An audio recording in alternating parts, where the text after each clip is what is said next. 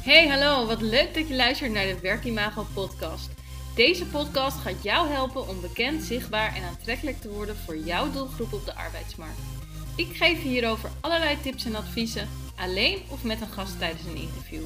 Daarnaast neem ik je mee in de leuke en minder leuke momenten van het ondernemen en mijn leven. Wil je tussen de podcast door meer zien, horen of contact met mij opnemen? Volg mij dan op Instagram, werkimago. Veel luisterplezier! Hey, wat leuk dat je weer luistert naar de Werkimago podcast. Vandaag een podcastaflevering vol met tips waarin ik jou ga helpen om meer goede sollicitaties binnen te krijgen.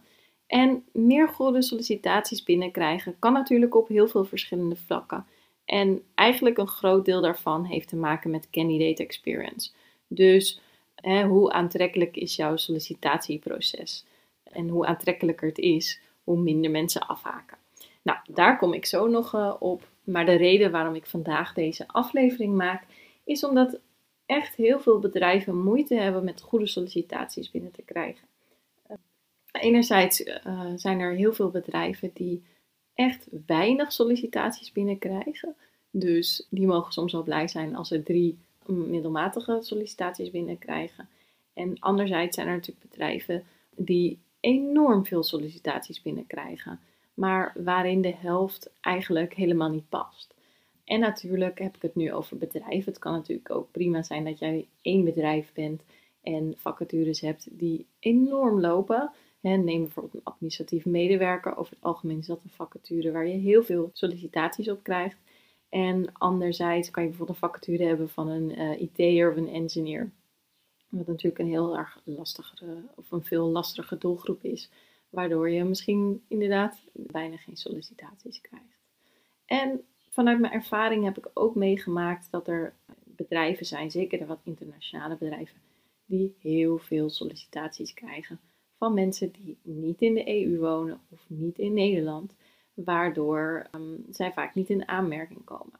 Dus in deze aflevering geef ik je allerlei tips voor deze situaties, maar ook hoe jij meer goede sollicitaties binnen kan krijgen.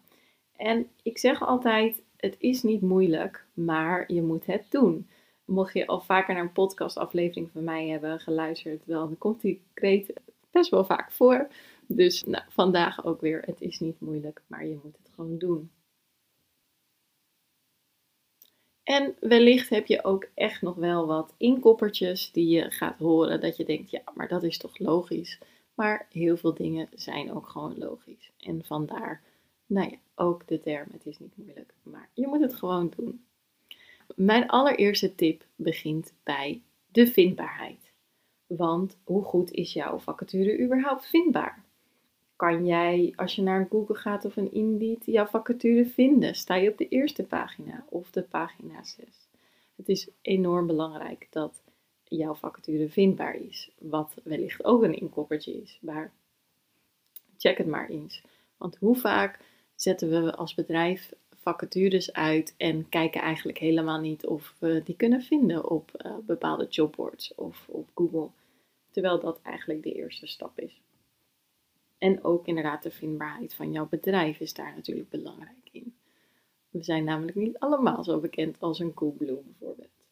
Dus mijn eerste tip, check de vindbaarheid van jouw vacature. Mijn tweede tip is kijk op je website hoe goed jouw bedrijf vertegenwoordigd is voor de werkzoekende. Dus heb je een werken bij website of een carrière gedeelte en staat daar bijvoorbeeld in wie jouw bedrijf is en wat het doet en wat voor werknemers te werken. En misschien zelfs wat voor arbeidsvoorwaarden er zijn. Dus ga kijken naar jouw werken bij of je carrière gedeelte van je website en check hoe goed vertegenwoordigt jouw bedrijf op dat stukje. Dus als ik iemand ben die nog nooit met jouw bedrijf in aanmerking is gekomen, zie ik meteen wat je doet, wat voor sfeer er hangt, wat voor collega's ik mee ga werken. En als ik daar dan op kijk, lijkt het me ook leuk om te gaan werken. Want dat is natuurlijk stap 1 voor werkzoekenden. Of misschien wel stap 2. Stap 1 is spreek de vacature me aan en stap 2 het bedrijf of andersom. Elke kandidaat is daar natuurlijk weer anders in. En de volgende tips hebben met name echt te maken met het stukje candidate experience. Dus wat is de beleving van de kandidaat als hij eenmaal in jouw sollicitatieproces zit? Mijn derde tip is voorkom afhakers. Afhakers zijn echt het meeste zonde van de goede sollicitanten. Want op het moment dat je een goede sollicitant op jouw website hebt, dan moet je echt, of in het sollicitatieproces, dan moet je er echt voor zorgen dat ze niet afhaken. Want dat is zo zonde. Eh, juist omdat die kandidaten wil je eigenlijk hebben op een sollicitatiegesprek of als medewerker. En hoe je afhakers kan voorkomen, hoor je in de volgende tips. En wist je trouwens dat 40% van de kandidaten afhaakt op het moment dat degene 20 vragen of meer moet invullen om te kunnen solliciteren? Dus mijn volgende tip is: voorkom sollicitatieformulieren of vragenlijsten voordat iemand kan solliciteren. Maak het zo makkelijk mogelijk. Dat is echt key in dit verhaal. Wellicht heb je het ook al eerder vanuit mij gehoord, ehm, maar op het moment dat iemand denkt, s'avonds, ik lig in bed, hij zit op een LinkedIn of een Facebook of Google of Indeed nog even vacatures te kijken, komt jouw vacature tegen, gaat naar je website en vervolgens moet hij een heel formulier invullen en denkt, dat doe ik morgen wel. En morgen zijn we weer in de waan van de dag en vergeet diegene het hele solliciteren. Dus zorg dat je het makkelijk maakt. En het makkelijk maken om te solliciteren is natuurlijk eigenlijk alweer de, een van de laatste stappen.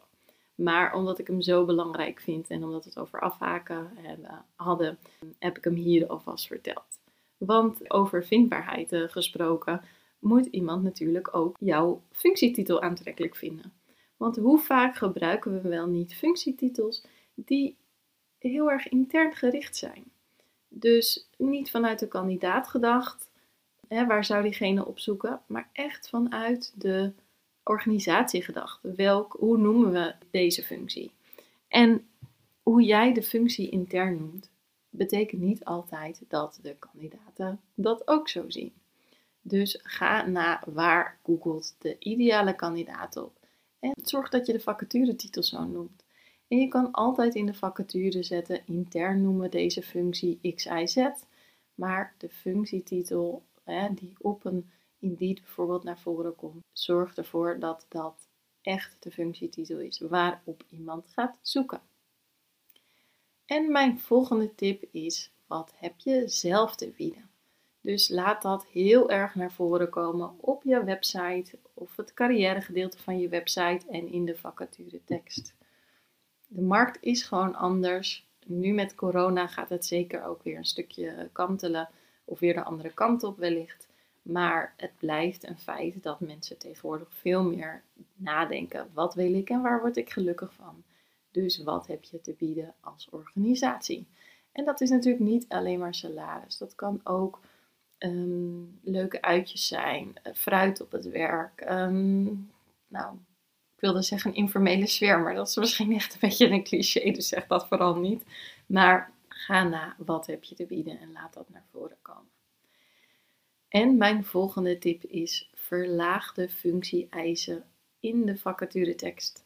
En ik zeg er met name bij in de vacaturetekst. Je hoeft natuurlijk echt niet de functie-eisen om iemand aan te nemen te verlagen. Maar verlaag ze wel in de vacaturetekst. En zeker op de vacatures waar je bijna geen sollicitaties krijgt. Ik zeg altijd: zorg eerst voor sollicitaties. En op het moment dat je sollicitaties hebt, maak een selectie. Maar op het moment dat je helemaal geen sollicitaties binnenkrijgt, kan je niet eens een selectie maken. Dus verlaag je functie-eisen. En op het moment dat het blijkt dat je in de vacature of op de vacature eh, wel heel veel sollicitaties krijgt, verhoog dan de functie-eisen. Dat heeft ook weer te maken, zorg eerst dat je, dat je überhaupt sollicitaties krijgt. En krijg je enorm veel sollicitaties, zorg er dan voor dat je um, je functie-eisen verhoogt. Dus Bijvoorbeeld krijg je heel veel sollicitaties vanuit het buitenland. Zorg er dan voor dat je juist een functie-eis toevoegt. Denk bijvoorbeeld aan, je moet woonachtig zijn in het land of een werkvisum is vereist. En dat kan je natuurlijk ook doen met opleiding of wat voor certificaten ook. En dan nog een tip van mij. Reageer snel. Snelheid is key in deze arbeidsmarkt. En ik zeg snelheid is key omdat over het algemeen mensen, zeker in schaarse beroepen, hebben de keuze tussen heel veel bedrijven. Als je het nu over schaarse beroepen hebt, dan blijft de techniek natuurlijk schaars en de zorg. En je kan er waarschijnlijk zelf ook nog genoeg branches opnoemen. Op het moment dat jij niet snel genoeg reageert en iemand is op zoek naar een functie, ehm, dan solliciteren ze vaak bij meerdere bedrijven tegelijk. Dus met snelheid heb je enerzijds dat jij de concurrentie voorblijft, om het zo te zeggen. En anderzijds zijn mensen ook gewoon het enthousiast als ze net hebben gesolliciteerd. Dus op het moment dat jij heel lang wacht, worden ze onbewust steeds een stukje minder enthousiast en neemt dat enthousiasme af. En natuurlijk kan je als je iemand uitnodigt, iemand hè, weer meekrijgen in dat enthousiasme. Maar het is natuurlijk super leuk als je juist iemand in zijn meest enthousiaste moment raakt. Ik zit ook nog even te denken, want ik heb ooit ook eens gesolliciteerd en toen werd ik ook meteen dezelfde dag of de dag daarna gebeld met positief nieuws. Ik was helemaal verbaasd dat iemand zo snel reageerde en hoe leuk is dat? Dat je vanochtend solliciteert en de volgende ochtend of dezelfde middag word je al uitgenodigd een sollicitatiegesprek. Eigenlijk was ik gewoon helemaal verrast. En nou, dat is natuurlijk wat je uiteindelijk wil met je kandidaten. Dat je ze verrast. Als je het hebt over candidate experience. En ik kan nog heel veel meer tips geven. En misschien geef ik er zo ook nog wel tussendoor wat. Maar de tips zijn namelijk eindeloos. Want elk sollicitatieproces, hoe goed of hoe slecht ook, kan verbeteren. Ik wil jou dus ook uitdagen. Ga naar je eigen recruitmentproces kijken. Wat gaat goed? Wat kan beter? En hoe zou je het verbeteren? En misschien ook nog een leuke, hoe zou je kandidaten meer kunnen verrassen? Of hoe kan je je sollicitatieproces verhippen, het leuker maken? Denk eens na over deze vragen en ga aan de slag met je eigen sollicitatieproces. En mocht je deze podcast helemaal tot het einde hebben afgeluisterd en denken waar moet ik beginnen en hoe kan ik nu echt doorpakken, dan kan ik je adviseren begin eens met de vragen die ik je net heb gesteld. Mocht je dan nog verder en meer willen weten, dan kan ik jou natuurlijk ook daarbij helpen. Ik zou je op dit moment twee dingen willen adviseren. Je kan enerzijds mijn e-book Bekend, Zichtbaar en Aantrekkelijk voor jouw doelgroep op de arbeidsmarkt aanschaffen. Die gaat jou heel erg helpen met eigenlijk niet alleen het recruitmentproces, maar eigenlijk ook meteen de zichtbaarheid en de vindbaarheid en het, het, hele totaalpakketje, om het zo te zeggen. En zeg je, nou, ik wil echt verder op die candidate experience en daar meer uithalen dan heb ik nu iets heel leuks voor jou. Want ik heb online trainingen ontwikkeld. En die kun je vinden via www.werkimago.nl. Maar zeg je, ik wil echt op die candidate experience doorgaan. Zet er dan nog even slash candidate-experience achter.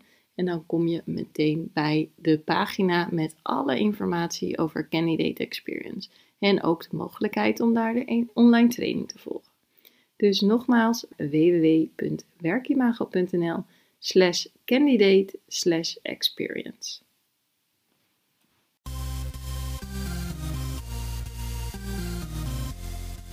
Super leuk dat je hebt geluisterd naar de Werkimago podcast. Dankjewel. Nog even kort drie dingen die ik met jou wil delen.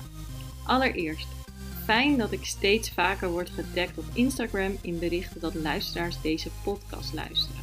Ik vind dat echt leuk, dus tag mij vooral in bijvoorbeeld je stories als je naar deze podcast luistert.